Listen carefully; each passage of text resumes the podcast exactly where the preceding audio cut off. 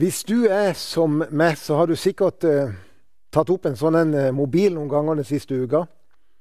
Og når du da tar opp nyhetene, det første du ser, hva er det? Det er tall om mennesker. Innlagte, smitta, døde i Norge, døde i verden. Og det ser vi og møter nå hver dag.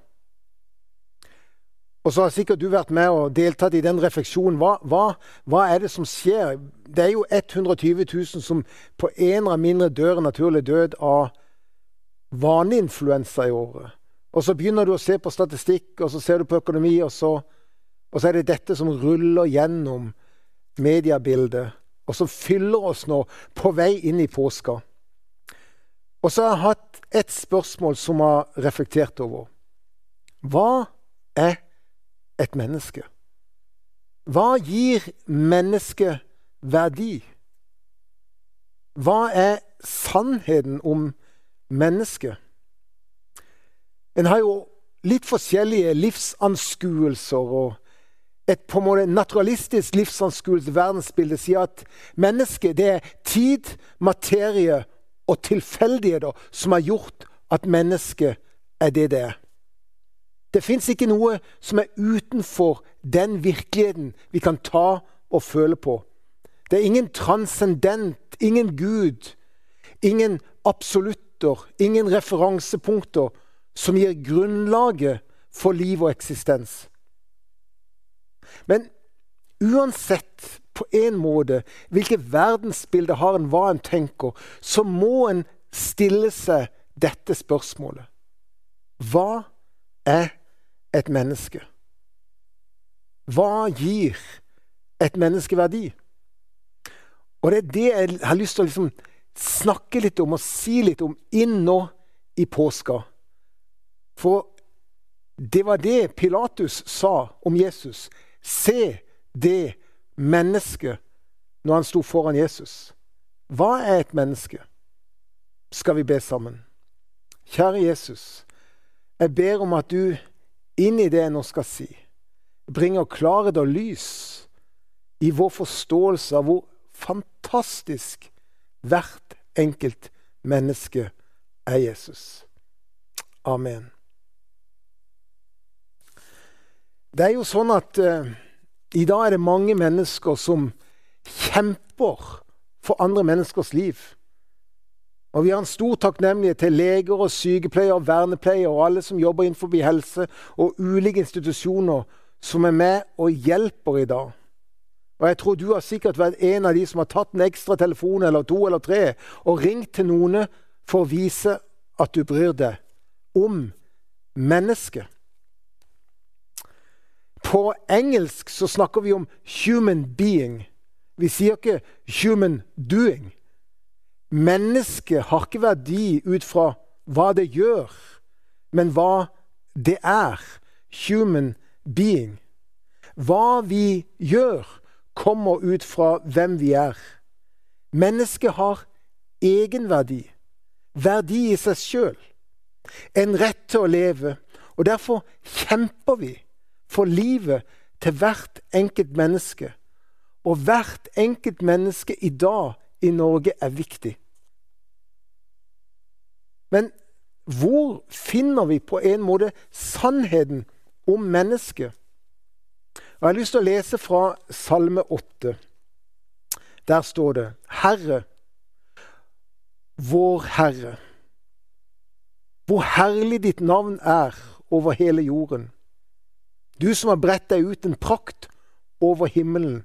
Fra småbarns og spedbarns munn har du reist deg et vern mot den som står deg imot, for å gjøre ende på fienden og hevneren.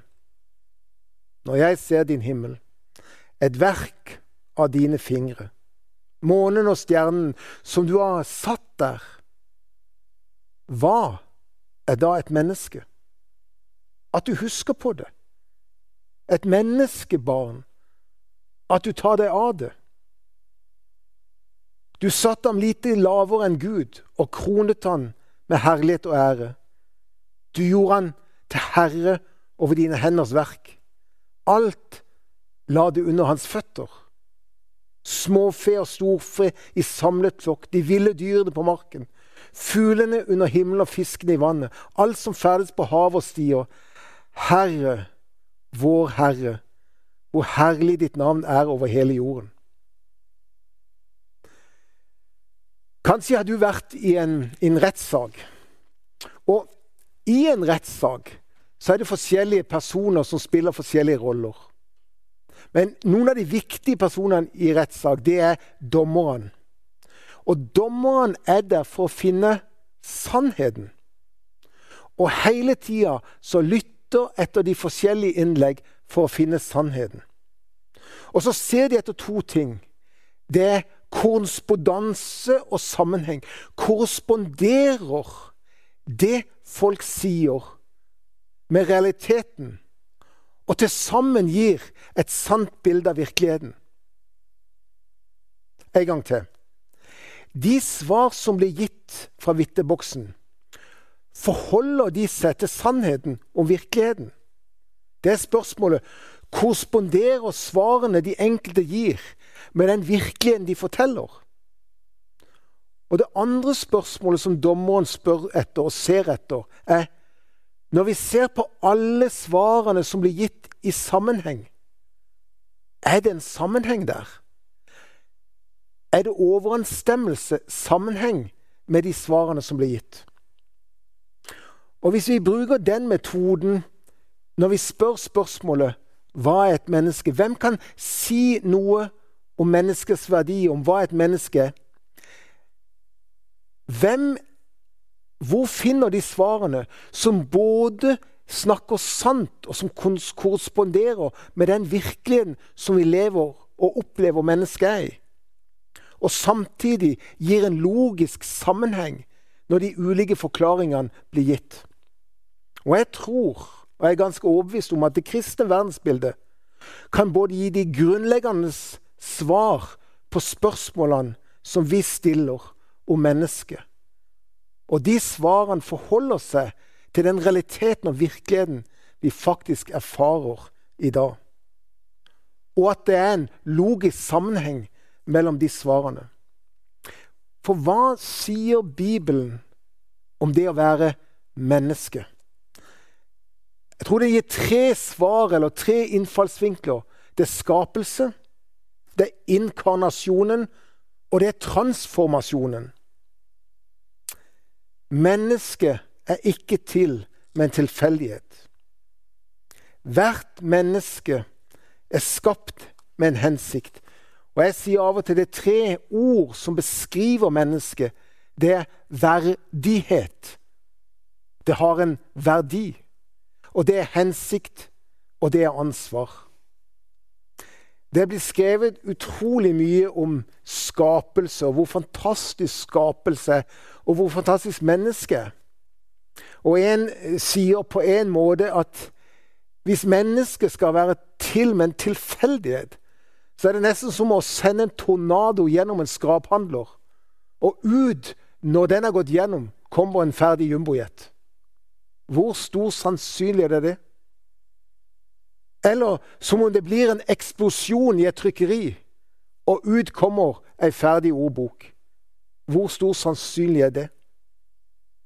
Mennesket består av flere billioner celler og molekyler som på en forunderlig vis fungerer sammen. Mennesket er unikt, og den mest logiske forklaring er at det står en skaper bak.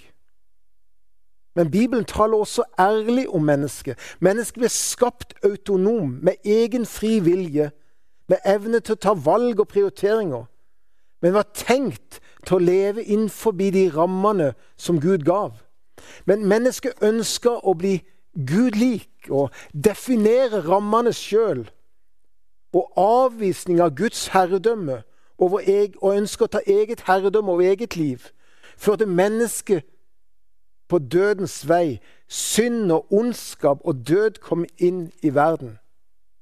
Og Det er interessant å se at det som skjer, det er at mennesket gjemmer seg for Gud. Det er ikke sånn at Gud blir borte. Det er mennesket som blir borte. Det er fortsatt ikke sånn at Gud er borte. det er bare mennesker, og kanskje du er en av de, som ikke spør etter han. For Gud sier, 'Den som søker meg, han skal finne meg.' Og søker du meg av et helt hjerte, så skal du finne meg.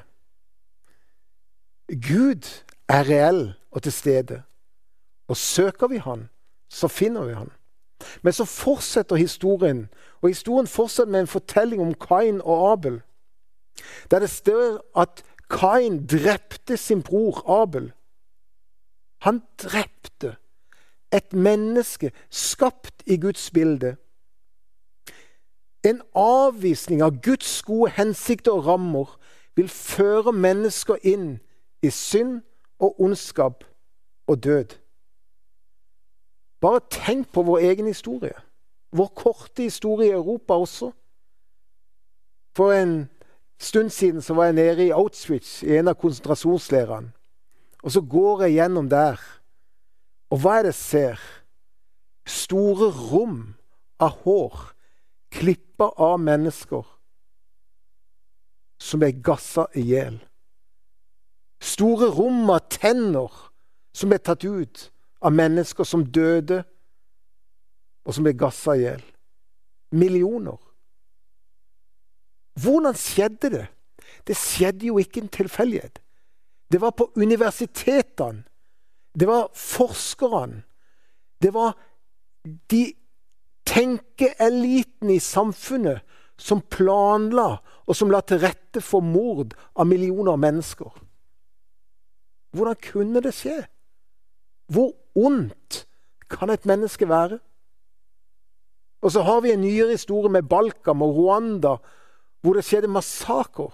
Og så ser jeg på nyhetene, og så tok jeg ut en liten sånn en notis som var en oppsummering av den konflikten som foregår fortsatt i Syria, som sier at 586 000 menneskeliv er gått tapt de siste åtte-ni årene i konflikten i Syria. 22 000 barn og 13 000 kvinner er blitt drept.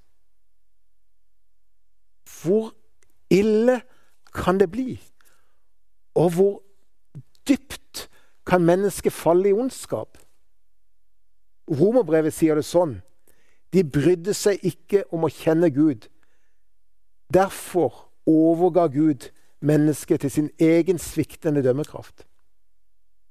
Mennesket som blir gitt fri vilje, forkasta sin skapers gode vilje. Og mista på en måte kompasset for livet. Og ofte kan mennesket fort ende opp i et redskap for ondskap. Og det ligger så latent i alle mennesker. Problemet er ikke frukten det som kommer ut. Problemet er røttene, treet, som frukten kommer fra. Bibelen sier vi har alle synder. Vi kjenner alle på denne ondskapen. Og du og meg, hvis vi er ærlige med oss sjøl, kjenner på denne dype ondskapen i vårt eget hjerte. Vi har alle gjort ondt. For meg er det å snakke sant om den virkeligheten vi ser rundt oss. å snakke sant om det å være menneske. Og Bibelen gir et realistisk bilde. Det er interessant. Jesus ble spurt et spørsmål i Matteus 22. De rakte han en, en mynt, en denar, og spurte han, 'Hvem har bildet her?' De spurte. De rakte ham en dag, og han spurte, 'Hvem har bildet på sitt navn?' Keiseren, svarte de. Og det var i forbindelse med De lurte på hvem de skulle betale skatt til. Og da sa Jesus, 'Så gi keiseren det som tilhører keiseren, og Gud det som tilhører Gud.' Og de ble forundret over svaret, og de forlot ham og gikk sin vei. Hvis kanskje tilhøreren hadde vært litt observant og hadde spurt ja, bildet til keiseren er tegn på mynten. Men Hvor er mitt bilde tegnet? Hvem tilhører jeg? Da ville Jesus sagt, se på deg sjøl, menneske. Jeg har tegna mitt bilde i deg. Ikke på en mynt, men i deg sjøl. Mennesket har en utrolig verdi. Ditt navn er ikke gitt av de som ga deg livet, og som, ditt navn er gitt av de som ga deg livet, og som fostrer deg opp. En kan skifte jobb, men en skifter ikke det å være en del av en familie og tilhøre et sted. Mennesket er unikt som individ. Du tilhører et sted. Du er en person som Gud har tegna deg i sitt bilde, og ingen kan ta din plass eller erstatte den. Ikke prøv å være noen annen. Vær deg sjøl. Du er unik. Du har verdi som menneske. Jeg har tenkt på Jesu egen omsorg for mennesker.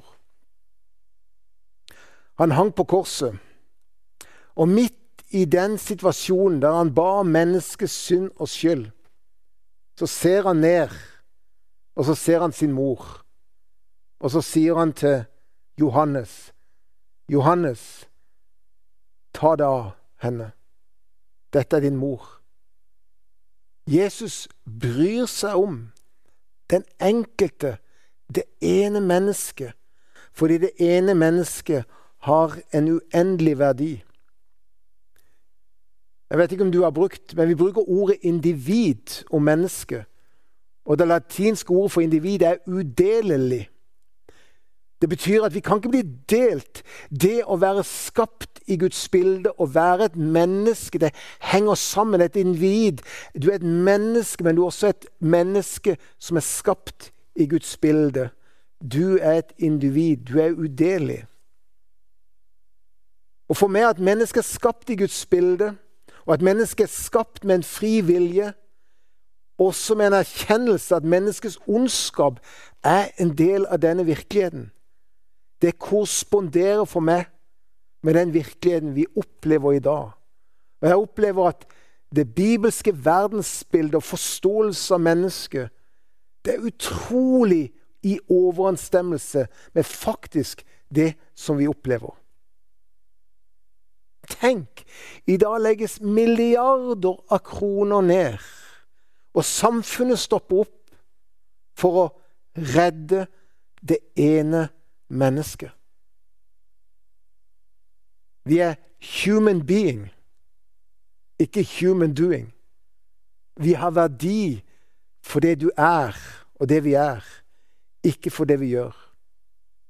Og den verdien er ikke bare fra skapelsen, men den er også gitt i inkarnasjonen. Og I påskeberetninga så møter vi en person, Pilatus. Og han står foran mennesket, massen, og så sier han Når eh, Jesus kommer og bærer tornekrona og korser med purpurkappa, så sier han Se det mennesket. Ekko homo. Se det mennesket. Så er det nettopp det Jesus er. Mennesket som på alle måter har vist oss hva det er å være menneske. Mennesket som alle, på alle måter har vist oss hva Guds bilde og avbilde er i et menneske i denne verden. Ordet ble menneske og tok bolig blant oss. Og vi så Guds herlighet, full av nåde og sannhet. Og når Jesus døde på korset, så ga han svar på de store spørsmål og utfordring som menneskeheten har. Ondskap, rettferdighet, kjærlighet, tilgivelse. Ondskapen døde den dagen og fikk sitt endelige makt og seier over ondskapen den dagen Jesus døde på korset. Og når vi kommer til første påskedag og skal feire oppstandelsen, så leser vi teksten Død, hvor er din brodd? Død, hvor er din seier? Ondskapens makt er brutt ved Jesu oppstandelse fra de døde. Og en dag skal all den ondskap og død opphøre, og livet skal seire. Og Jesu oppstandelse fra din døde er på en måte første grunnen, det første beviset på at det er livet som seirer igjen. Og midt i en verden der vi hører om død, om tragiske hendelser hele tida, så trenger vi å minne hverandre om det ene håpet. At vi har et håp i Jesu Kristi oppstandelse fra de døde. At verken død eller sykdom, eller verken noen makter eller krefter i denne verden kan skille oss fra Guds kjærlighet i Jesus Kristus. Og en dag skal livet overvinne ondskapen. Korset gir svar på spørsmål om ondskapen. Men rettferdighet Jesus viste sann rettferdighet. Det blir ingen fred uten rettferdighet. Og Jesus brakte rettferdigheten til jorda, til alle mennesker. Den straff du og meg skulle ha hatt for vår ondskap, i tanker, i ord og gjerninger, tok han på seg. På den måten har han gitt oss fred med Gud og mulighet til å leve i fred med mennesker rundt oss. Han har vist oss hva kjærlighet er. Han viste oss uselvisk og ubetinga kjærlighet. Verden har mista noe av innholdet i kjærlighet. Før var sann kjærlighet ofte definert som friheten til å være ansvarlig i møte med vår neste og våre omgivelser, i å møte deres behov. I dag er ofte kjærligheten definert til å gjøre det jeg opplever rett for meg i øyeblikket, her og nå. Det er frihet. Men vet du hva det er? Det er det Bibelen kaller selviskhet. Det er når meg og meg selv og mitt kommer i sentrum for alt. Bibelen har vist hva kjærlighet er. Og Bibelen bruker fire ord på kjærlighet. Det er agape, det er Guds kjærlighet, den ubetinga kjærlighet. Det er storge, det er empati, den beskyttende kjærlighet. Foreldrenes beskyttende kjærlighet til barna. Det er filio, det er vennskapskjærlighet mellom mennesker. Og det er eros, den romantiske, seksuelle kjærligheten. Ekteskapet, det er ikke én pluss én er to. Men ekteskapet er én pluss én er én. Eller en million. Vi er blitt ett, men vi har ikke oppgitt vår individualitet. Ikke i et parforhold. Men kjærligheten i parforholdet, når vi gir oss til hverandre og gir av oss sjøl til hverandre, så skjer det noe. Den kjærligheten kan ha én pluss én blir millioner. For den kan ha millioner av uttrykk. For den er grunnlagt i den kjærligheten som Gud har gitt oss. Den uselviske, oppofrende, ubetinga kjærligheten til hverandre. Og på en måte er bare et ekteskap og relasjoner som bringer Gud inn, som kan erfare den fulle fylde av kjærlighet i Bibels betydning. Men han har ikke bare gitt oss svaret på ondskap og rettferdighet og kjærlighet. Han har gitt svaret på det som vi trenger mest tilgivelse.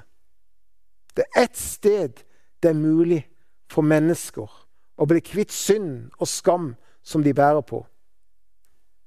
Jesus Kristus brakte tilgivelse til alle mennesker.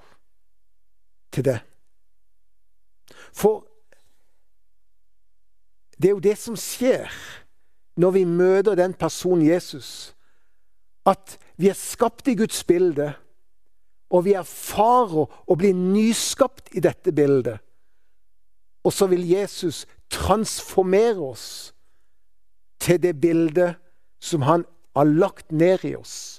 så det blir mer og mer synlig, dette bildet av Gud i det og meg, og gjennom det og meg.